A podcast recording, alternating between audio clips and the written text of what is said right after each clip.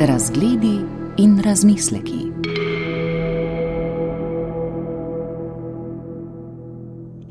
Celovečerni dokumentarec Mirana Zupaniča Sarajevo Safari je kmalo po svetovni premjeri na festivalu Al Jazeera Balkans Doc septembra v Sarajevu sprožil silovito javno razpravo, zaradi občutljive teme pa tudi sodne postopke. Na eni strani proti režiserju in na drugi proti neznanim storilcem prikritih zločinov, ki jih film razkriva.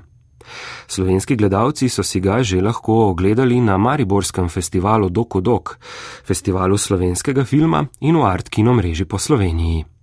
Nastal je pod okriljem slovenske produkcijske hiše Ars Media v koprodukciji z omenjeno televizijo Al Jazeera Balkans. Dokumentarec pregovori o doslej malo znanem in neraziskanem lovu na ljudi v času obleganja bosanske prestolnice.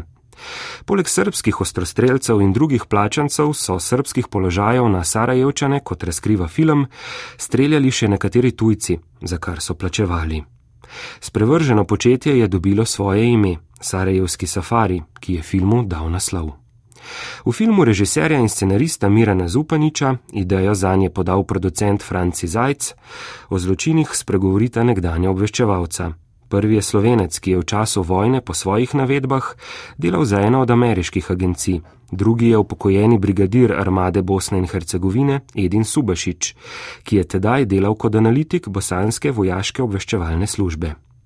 Edin Subašič v filmu spregovori nezakrit s polno identiteto, saj je, kot je povedal v pogovoru za Radio Slovenija, prepričan, da si javnost zasluži izvedeti, kaj se je v Sarajevu dogajalo med vojno.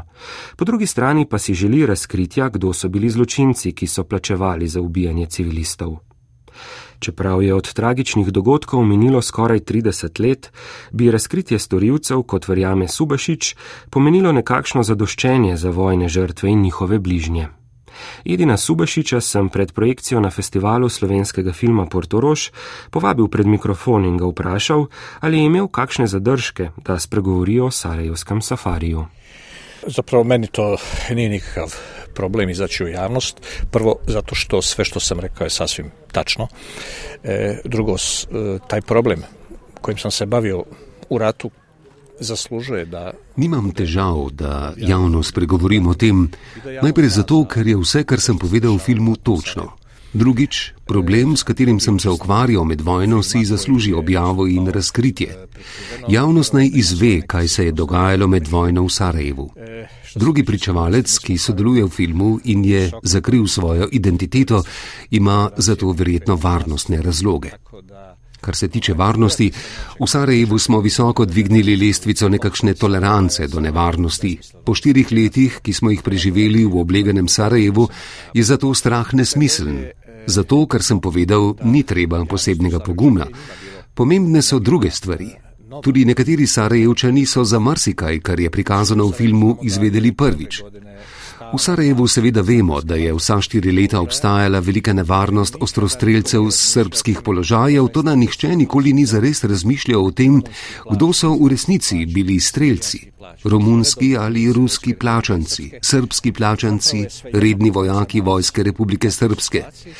Po eni strani je vseeno, kdo v takšni situaciji strelja na vas, to da Sarajevčane je pretreslo, ko so izvedeli, da so to počeli ljudje ljubiteljsko iz hobija. Zaradi nekakšnega adrenalina so plačali za užitek, kakor da gredo na safari, na leve ali tigre. Sarajevčani so bili presenečeni, užaljeni, vedeli so seveda, da so bili štiri leta žrtve, tudi da so nekateri iz Zahodne Evrope na nje gledali kot na divjat na safariju. To je bilo za nje porazno spoznanje, žalitev, najnovejša žalitev, za katero so ravno kar izvedeli. Zame pa to ni bilo novo, saj sem se v letih 1993-1994 ukvarjal s tem problemom kot obveščevalni oficir. Razmeroma hitro smo ga rešili, odkrili smo ga kako leto zatem, ko se je pojavil. Ocenjujem, da je potem, ko smo izvedeli zan, trajalo še kakšne štiri ali pet mesecev. Na to smo dobili veliko drugih obveščevalnih vojnih nalog, ki smo jih morali rešiti, tako da je bilo s tem konec in sem pozabil na to, dokler me nista Miran Zupanič in Franci Zajc kot idejni dvojec filma znova opozorila na to. Vprašala sta, ali je še kdo vedel za to. In jaz sem se oglasil. To je bila za nas v času vojne pravzaprav ena manjših obveščevalnih nalog. Režiser in producent sta me vprašala, ali bom spregovoril o tem in rekel sem, da bom. Na to jo je zanimalo, ali hočem biti zakrit in rekel sem, da za to nimam razloga.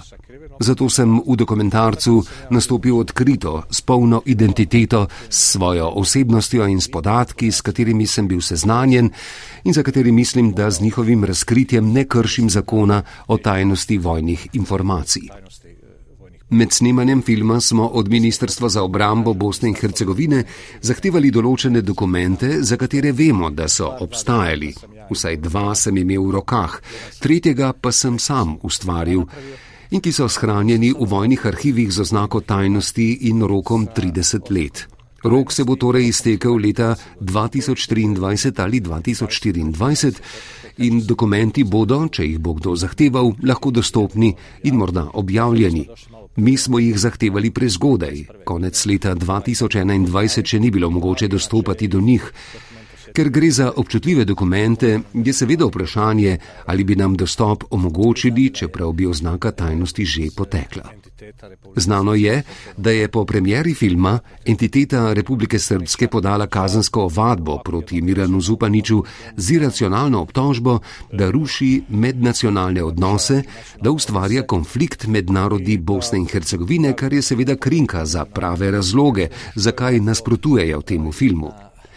Gre preprosto za to, da se razkrije ena od razsežnosti vojne, ki je niso pripravljeni ne priznati, ne obdelati, tudi niso pripravljeni, da bi krivce s svoje strani postavili pred sodišče.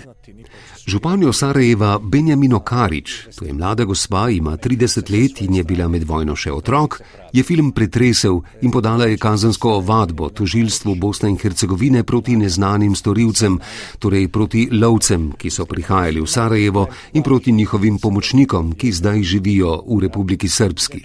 Pred dnevi je dodatno posredovala naj tožilstvo obdela zadevo in videli bomo, kaj se bo zgodilo njihovih pomagača koji sada žive u Republici Srpskoj i prije nekoliko dana je napravila jednu urgenciju da tužilaštvo odra, odra, obradi taj predmet pa ćemo vidjeti šta će biti.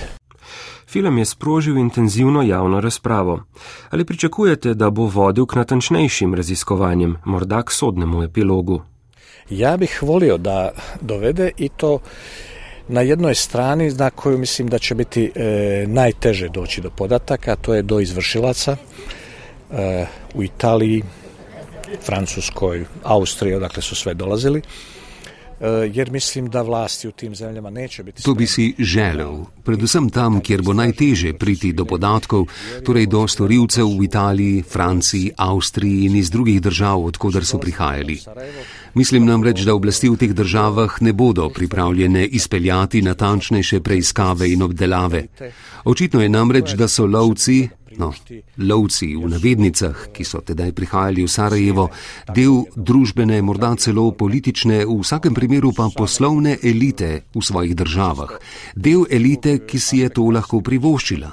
Cene takšnih izletov so bile velikanske.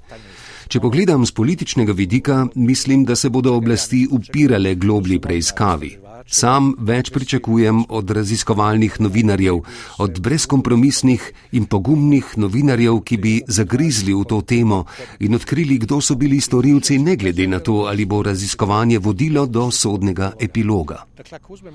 Če predpostavimo, da so leta 1993 imeli streljci 40 ali 50 let, so zdaj v poznih letih, če so sploh še živi, no nekateri gotovo so. Razkritje, kdo so bili, bi pomenilo nekakšno zadoščenje za žrtve v Sarajevu. E, tako da bi možda jedno razotkrivanje njih e, bila određena satisfakcija žrtvama u Sarajevu. Pričani, ki jih slišimo v filmu, posredno potrjujejo drugi viri. Kot je v enem od intervjujev pojasnil režiser Miran Zupanič, sta o dogajanju med obleganjem Sarajeva med drugim pisala Marko Sosič in Dragan Petrovec, medtem ko je po režiserjevem vedenju Sarajevo Safari prvi film, ki je zagrizel v to težko temo. Javno dostopno je tudi pričanje Johna Jordana pred Mednarodnim sodiščem za vojne zločine na območju nekdanje Jugoslavije. Nekdani ameriški marinec je med vojno med letoma 1992 in 1995 s prekinitvami živel v Sarajevu in večinoma kot prostovoljni gasilec pomagal prebivalcem. V pričanju pred Haškim sodiščem je maja 2007 spregovoril o tem, kako so srbski oblegovalci na različne načine ustrahovali prebivalce obleganega mesta. Naprimer tako, da so načrtno streljali na otroke. Spregovoril je tudi o streljcih turistih, ki jih je videl. Šlo je za tujce, ki so, kot je presodil, prihajali iz Zahodne Evrope in srbskih položajev na to streljali na ljudi v mestu. To naj bi se dogajalo tudi na območju Mostarja. Pojav streljcev turistov je John Jordan, kot je povedal Haškemu sodišču, poznal že odprej, iz časa, ko je služil v Bejrutu. Edin Subašič v filmu Sarajevo Safari pojasni, da je bosanska vojska za pojav izvedela konec leta 1993 na podlagi zaslišanja vojnega ujetnika, ki se je srpski strani priključil kot prostovoljec. Ujetnik je povedal, da so na avtobus, ki ga je iz Beograda prek Pal peljal v Sarajevo, vstopili oboroženi tujci v netipični opravi. Kot je presodil, je šlo za posebna lovska oblačila. Sodeč po jeziku so bili trije italijani, dva sta molčala. Srbski prostovoljec jih je med vožnjo vprašal, koliko so plačani za vojskovanje, dobil pa je odgovor, da so za vojskovanje plačali sami in da jim je to omogočila srpska vojska. Čeprav omenjeni streljci turisti niso vplivali na ravnotežje moči na bojišču, so vredni pozornosti, izpeljuje Subašič, saj so dokazovali, da je bojišče postalo prostor nekega posebnega hobija. Vojska Bosne in Hercegovine se tedaj v to, kdo so bili, ni poglabljala, je pojasnil v filmu. Se jim je v vojnem času zadostovala ocena, ali je določen del Sarajeva varen pred ostrostrelci ali ne. Edina Subašiča sem v Porto Rožu vprašal, koliko takšnih streljcev je bilo po njegovi oceni v Sarajevu, kdaj so prihajali tja in odkot. Jaz sem pokušal rekonstruirati logistiku koja njih dočekivali, organizirala, počevši od e, Trsta preko Beograda, Pala do Sarajeva, ovaj, da bi to moglo biti nekih 50 ljudi sa, sa srpske strane, najvjerovatnije iz e, po načinu rada iz službe državne bezbjednosti i iz vojne kontraobaveštajne službe. Poskušal sem rekonstruirati, kako je stvar logistično potekala, začenši s Trstom prek Beograda in Pal do Sarajeva. Ocenjujem, da je na srpski strani sodelovalo približno 50 ljudi. Če sodimo po načinu njihovega dela, so bili najverjetneje iz službe državne varnosti in vojaške protiobveščevalne službe. Ti so imeli takšno infrastrukturo in možnost, da v Bosno in Hercegovino pripeljajo tujce brez kontrole, legitimacije in identifikacije. To je bil ozek krok ljudi iz srpskega obveščevalno-varnostnega sistema. Koliko lovcev je prihajalo? Enkrat, dvakrat ali trikrat, to je zelo težko oceniti. Morda bi to bolje vedel moj prikriti obveščevalni kolega iz filma, ki je, če se ne motim, povedal, da so sedemnajstkrat v Sarajevo prišli po trije ali štirje, torej kolikor je njemu znano, približno 50 ljudi. To je v resnici uganka, ki je morda nikoli ne bomo rešili. Koliko morilcev je prišlo v Sarajevo, ki so plačali, prek vikenda ubijali ljudi za adrenalin in se potem v ponedeljek vrnili domov v svoje službe in igrali normalne ljudi. Vse skupaj je zelo morbidno. Jedan izvor adrenalina preko vikenda i oni bi u ponedjeljak ujutro bili na svom redovnom poslu i glumili normalne ljude. Sve skupa vrlo morbidno. Kdaj so prihajali v Sarajevo? Otprilike negdje od uh, kraja 93. do Prihajali so približno od konca leta 1993 do aprila, maja, morda celo do sredine leta 1994, ko smo dobili informacijo, da je ta veriga prekinjena in da je kraj, odkuder so iz Italije prihajali, neutraliziran. Podišteno, tako, tako da kažem, neutralizirano. Kako se je to zgodilo?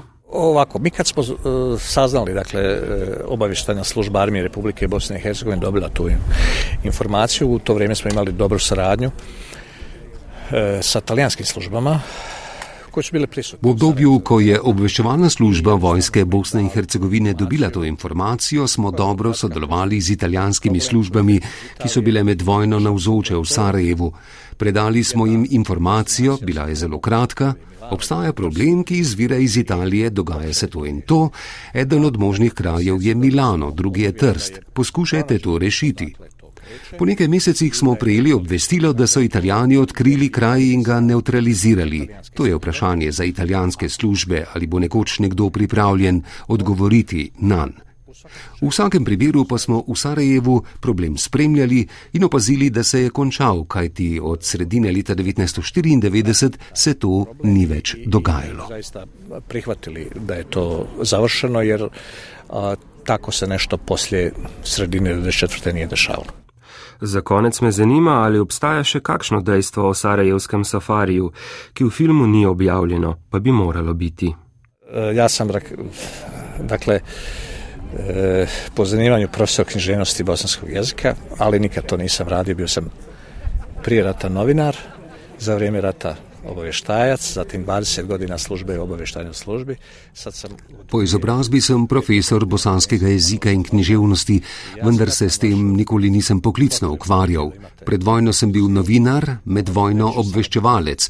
Potem sem bil še 20 let zaposlen v obveščevalni službi, se pred petimi leti in pol upokojil in zdaj sem spet novinar. Razumem vaše vprašanje in motiv, da objavite, kar še ni bilo objavljeno.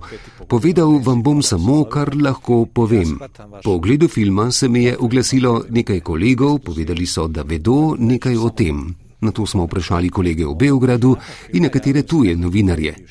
Pokazalo se je, da so tuji novinari med vojno vedeli za to, vendar so imeli nekakšen embargo na pisanje in obveščanje o tem. Stranih novinara onda se ispostavilo da su u stvari e, strani novinari cijeli rat znali o tome, ali su imali e, nekakav embargo na informacije, na pisanje, izvještavanje o tome.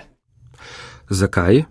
To je bila, to je bio zapravo dogovor između međunarodnih snaga i stranih novina, između Umprofora i njih, da će im dati pristup raznim drugim informacijama i frontu, ali da te... Takšen je bil dogovor med tujimi novinarji in mednarodnimi silami, med Umproforjem in njimi, da jim v zameno omogočijo dostop do nekaterih drugih informacij in do fronte, če tema ostane skrita. In ostala je. Ko smo jih po premjeri filma Sarajevo Safari poprašali o tem, so povedali, da so vse čas vojne vedeli za to, da je to stara zadeva. Potem so se oglasili tudi kolegi iz Beograda in povedali, da so tudi oni vedeli za to. Streljci so prihajali v Beograd in pridn so odšli v Sarajevo, so sedeli na skadarli, pili in govorili, da gredo na safari v Sarajevo. Kolege v Beogradu smo vprašali, kdo so bili ti ljudje in približno so nam povedali, kdo so bili streljci. Tu pa moram končati, kajti informacijo, ki jo bom zadržal zase, bi raje predal italijanskim organom pregona in tožilstvu Bosne in Hercegovine. Ovdje sad ja moram stati, jer ovu informaciju koju ću zadržati za sebe bih ipak radije dao istragama talijanskih organa i tužilaštvu Bosne i Hercegovine. Razgledi in razmisleki.